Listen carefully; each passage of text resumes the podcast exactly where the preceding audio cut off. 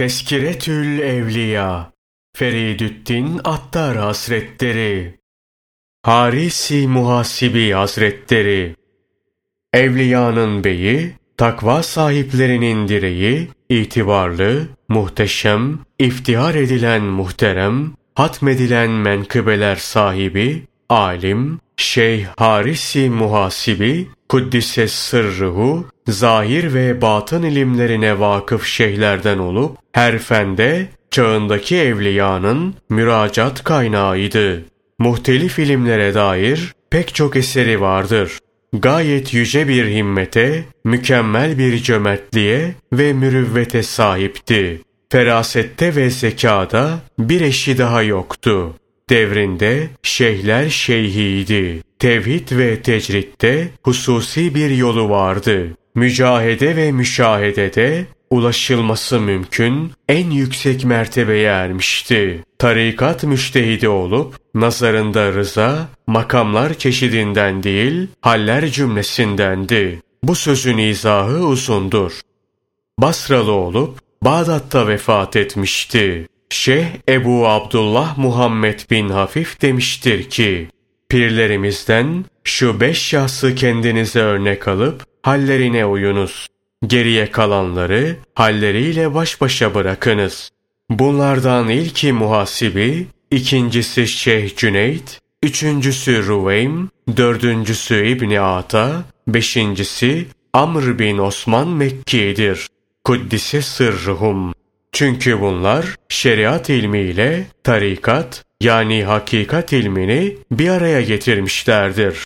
Bu beşin dışında kalanlar da itikad edilmeye layıktırlar ama bu beşi hem itikat hem de iktida edilmeye layıktırlar. Tarikat uluları demişlerdir ki, bunların altıncısı Ebu Abdullah Muhammed bin Hafif'tir ki, o da inanılmaya ve bir örnek alınmaya layıktır. Kendilerini övmek onların işi olmadığından İbni Hafif kendisinden bahsetmemiştir.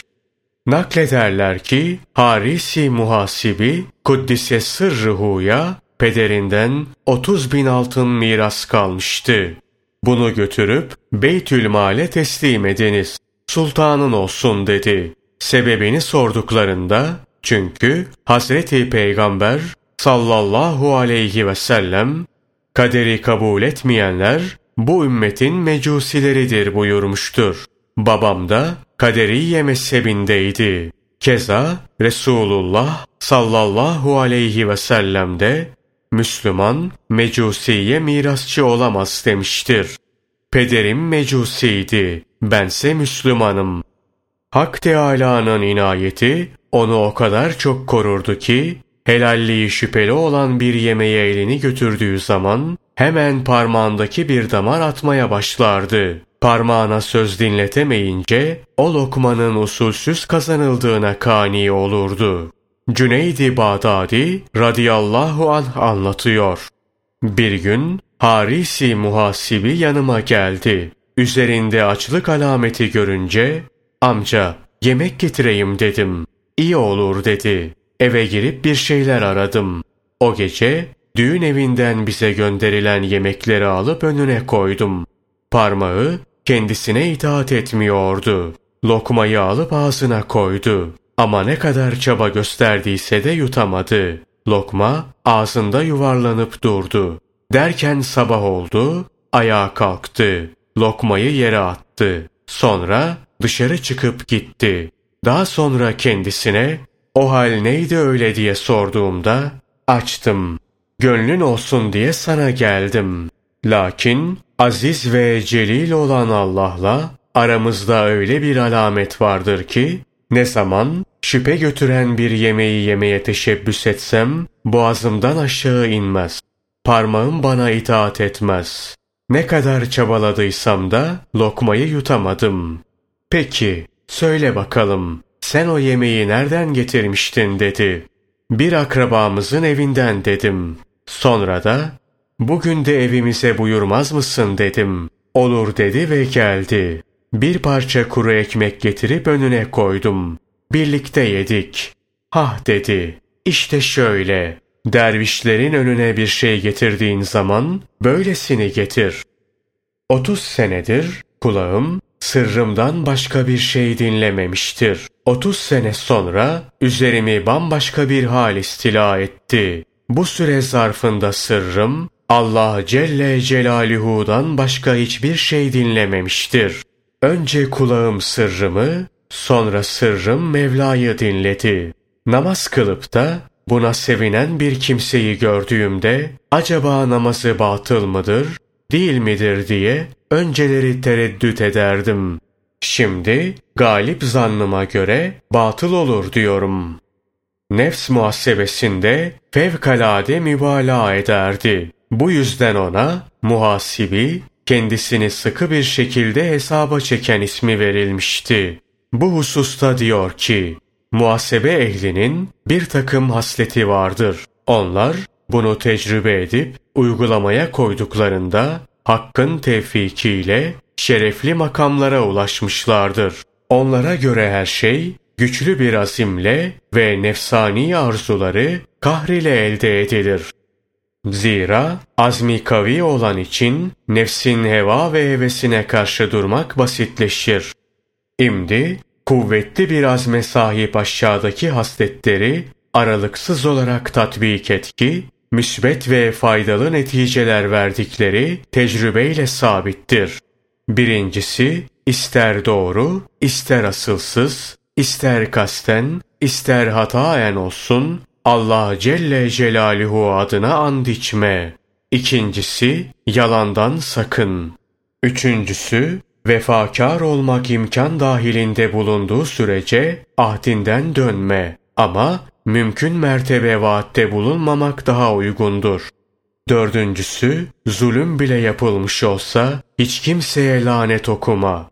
Beşincisi, hem sözle hem de hal ve hareketle kimseye beddua etme. Yaptığın iyilik için mükafat bekleme. Yüce Allah'ın rızası için tahammüllü ol.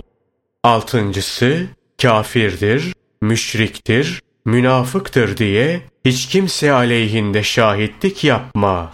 Halka karşı daha merhametli olmak ve Hak Teâlâ'nın hışmından daha uzak kalmak için en uygun hareket tarzı budur. Yedincisi, hem içten hem de dıştan günaha asla kast ve azmetme. Organlarını hepsinden menet. Sekizincisi, hiç kimseyi incitme. İster az, ister çok olsun. İster muhtaç, ister müstani durumda bulun, hiçbir halde kendi yükünü kimseye yükleme. Dokuzuncusu, halktan tamamıyla ilgiyi kesip onlardan hiçbir şey bekleme. Sahip oldukları hiçbir şeye göz dikme. Her şeylerinden ümidini kes. Onuncusu, dünya ve ahiret itibariyle Yüce Allah katında rütbe yüksekliği ve izzet mükemmelliği onun dileğine bağlıdır. Bu sebeple kendini karşılaştığın hiçbir insanoğlundan daha iyi görme. Murakabe, kalbin kendini Yüce Allah'ın yakınında bilmesidir. Rıza, tabi mecralarda akan, ilahi ve kevni hükümlerin altında kalbin huzur ve sükun içinde bulunmasıdır. Tefekkür, sebepleri Hak Teâlâ ile kaim bilmektir. Teslimiyet, başa bela gelince ne içte ne dışta bir değişiklik olmaksızın sakin ve sabit olmaktır. Haya, Allah Celle Celaluhu'nun razı olmadığı bütün kötü huyları terk etmektir. Muhabbet, bütün mevcudiyetinle bir şeye ve bir zata meyletmen, sonra onun uğrunda bedeni, ruhu ve malı feda etmen, gizli ve açık, her halükarda ona muvaffakat etmen, daha sonra da hep kendini kusurlu olarak bilmendir. Allah Celle Celaluhu'dan korkmak, her hareketten dolayı mutlaka ahirette sorumlu olacağım kanaatinde olmaktır. Halkla üns halinde olmanın alameti halktan sıkılmaktır. Halktan sıkılmanın alameti halkın içinde bulundukları şeylerden kaçmak, Hak Teâlâ'nın zikrinin hazzıyla baş başa kalmaktır. İmdi Allah'ın zikriyle ünsiyet bir kalbe girip yerleştiği nispette o kalpten halkla ünsiyet hali dışarı fırlar. Sadık o kimsedir ki eğer halkın neslinde hiç itibarı kalmasa katiyen kaygılanmaz. Bilakis kalbin yararını bunda bilir. İyi amellerinden zerre miktarının görülmesini istemez. Kötü amellerinin bilinmesinden rahatsız olmaz. Zira bu yüzden hoşnutsuz olması halkın neslinde daha ziyade itibar sahibi olduğuna delalet eder. Bu ise sadıkların huyundan değildir. Her hususta azim gevşekliğinden sakın. Çünkü düşman azim gevşekliği vaktinde sana karşı zafer kazanır. Ne zaman kendinde azim gevşekliği görürsen hiç durup dinlenme. Yüce Allah'a sığın. Ya hep Allah için ol ya da hiç olma. Bu güzel bir sözdür. Nefsini riyazetle düzelten kimseler makamlara giden yolun kendilerine gösterilmesine layıktır. Cennetlik olanların hazzını bulmak isteyenlere söyleyiniz. Salih ve kanaatkar dervişlerin sohbetinde bulunsunlar. Batını, murakabe ve ihlasla düzeltenin zahirini Allah Teala mücahede ve sünnete tabi ederek bezer. Gaybleri müşahede mahallinde kalplerin hareketleriyle amel etmek, uzuvların hareketleriyle amel etmekten daha şereflidir.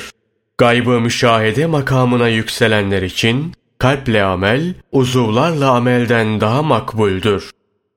Arifler, fasılasız olarak rıza hendeğine iner, sefa denizine dalar ve vefa cevherlerini çıkarırlar.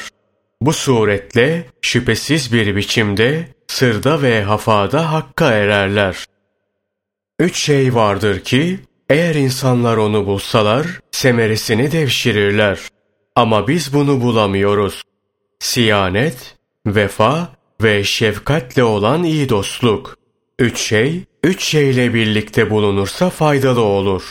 Oysa biz bunu kaybetmişizdir. Korumak şartıyla güzel yüz, dindarlık şartıyla güzel ses ve söz, emin ve vefakar olma şartıyla güzel dostluk. Naklederler ki bir eser yazarken dervişin biri gelip acaba marifet hakkın kul üzerindeki hakkı mıdır yoksa kulun hak üzerindeki hakkı mıdır diye sordu. İşte bu söz üzerine o eser yazmayı terk etmişti. Bunun manası şudur. Eğer marifet kulun bizzat tanıyıp kendi cehdiyle hasıl ettiği şeydir denirse, bu durumda kulun hak üzerindeki hakkı olur. Buysa caiz değildir. Şayet marifet, hakkın kul üzerindeki hakkıdır denecek olursa, bu takdirde de hakkın hakkını eda etmek, yani onun künhüne vakıf olmak mümkün olmaz. Muhasibi, Kuddise sırruhu, işte bu noktada hayrete düştü ve eser yazmaktan vazgeçti. Bu sözün diğer izahı da şudur. Marifet, hakkın kul üzerindeki hakkıdır. Ama bu hak, sırf ilahi lütufla ifade edilir. Bu durumda, marifete dair kitap telif etmekten ne fayda hasıl olur? Bizzat hak, kulun hakkını ona lütfetmiştir. Çünkü mesele, beni Rabbim terbiye etti hem de güzel bir şekilde kabilindendir. Eğer bir kimsenin üzerindeki hakkı ifa etmeyi hak üzerine alacak olursa o hak eda edilir. Şüphesiz ki sen sevdiklerini hidayete erdiremezsin. Lakin Allah dilediğine hidayet eder. Ayetinde de bu husus anlatılmıştır. Bu sözün başka bir manası da şudur. Marifet, hakkın kul üzerindeki hakkıdır. Şu manadaki hak, kula marifet ihsan edince, o hakkın hakkını ödemek, kula vacip olur. Kulun kendi ibadetiyle ifa edeceği her hak, aynı zamanda hakkın hakkı olacak ve onun tevfikiyle yerine getirilecektir. Şimdi kulun öyle bir hakkı vardır ki onu hakkın hakkıyla hak eda eder. O yüzden muhasibi Kuddise sırrıhu kitap yazmayı terk etmişti. En doğrusunu Allah Celle Celaluhu bilir. İbni Mesruk anlatıyor. Can çekişme sırasında muhasibi Kuddise sırrıhu muhtaç bir haldeydi. Babasından miras kalan muazzam servete hiç el sürmedi. Halbuki o esnada eli dardı. Böylece yürüdü gitti. Allah'ın rahmeti üzerine olsun. Harisi Muhasibi Hazretlerinin sözleri Muhasebe ve mukayese dört yerde bahis konusudur. İmanla küfür, doğruyla yalan, tevhidle şirk, ihlasla riya arasında. İlmin neticesi Allah korkusu, zühtün neticesi rahatlık, marifetin neticesi Allah Celle Celaluhu'ya dönüştür. Bu ümmetin en hayırlıları ne din işleri için dünya işlerini ne de dünya için ahiret işlerini terk edendir. Kulun farzı zayi edip dindarlık peşinde koşması uygunsuz bir iştir. Hakimin en çok meşgul olduğu şey, vaktin kendisine lüzumlu kıldığı ve o vakit içinde yapılması en uygun olan şeydir. Kulluk sıfatı, kendin için mülk görmemen, kendine fayda temin etme ve zararı def etme gücüne sahip olmadığını bilmendir. Reca, Allah Teala'nın lütfuna ve rahmetine bel bağlayıp, ölüm başa gelince samimi bir hüsnü zanna sahip olmandır. Güzel ahlak, ezaya katlanmak, kızmamak, güler yüz ve tatlı sözdür. Bidatçılık tabiatı üzerine bulunan bir kimse vasıtasıyla hak nasıl yayılabilir? Hakkın nidasını işitmezsen, davetine nasıl icabet edeceksin? En akıllı kişi, onun marifetinin künhüne yol yoktur deyip, aczini itiraf ve ikrar eden kimsedir. Halk kendini övse bile, zulmeden pişman olur. Halk kendisini yerse bile, zulme uğrayan selamete erer. Kanaatkar, aç bile olsa zengindir. Tamahkar, servet sahibi olsa bile yoksuldur.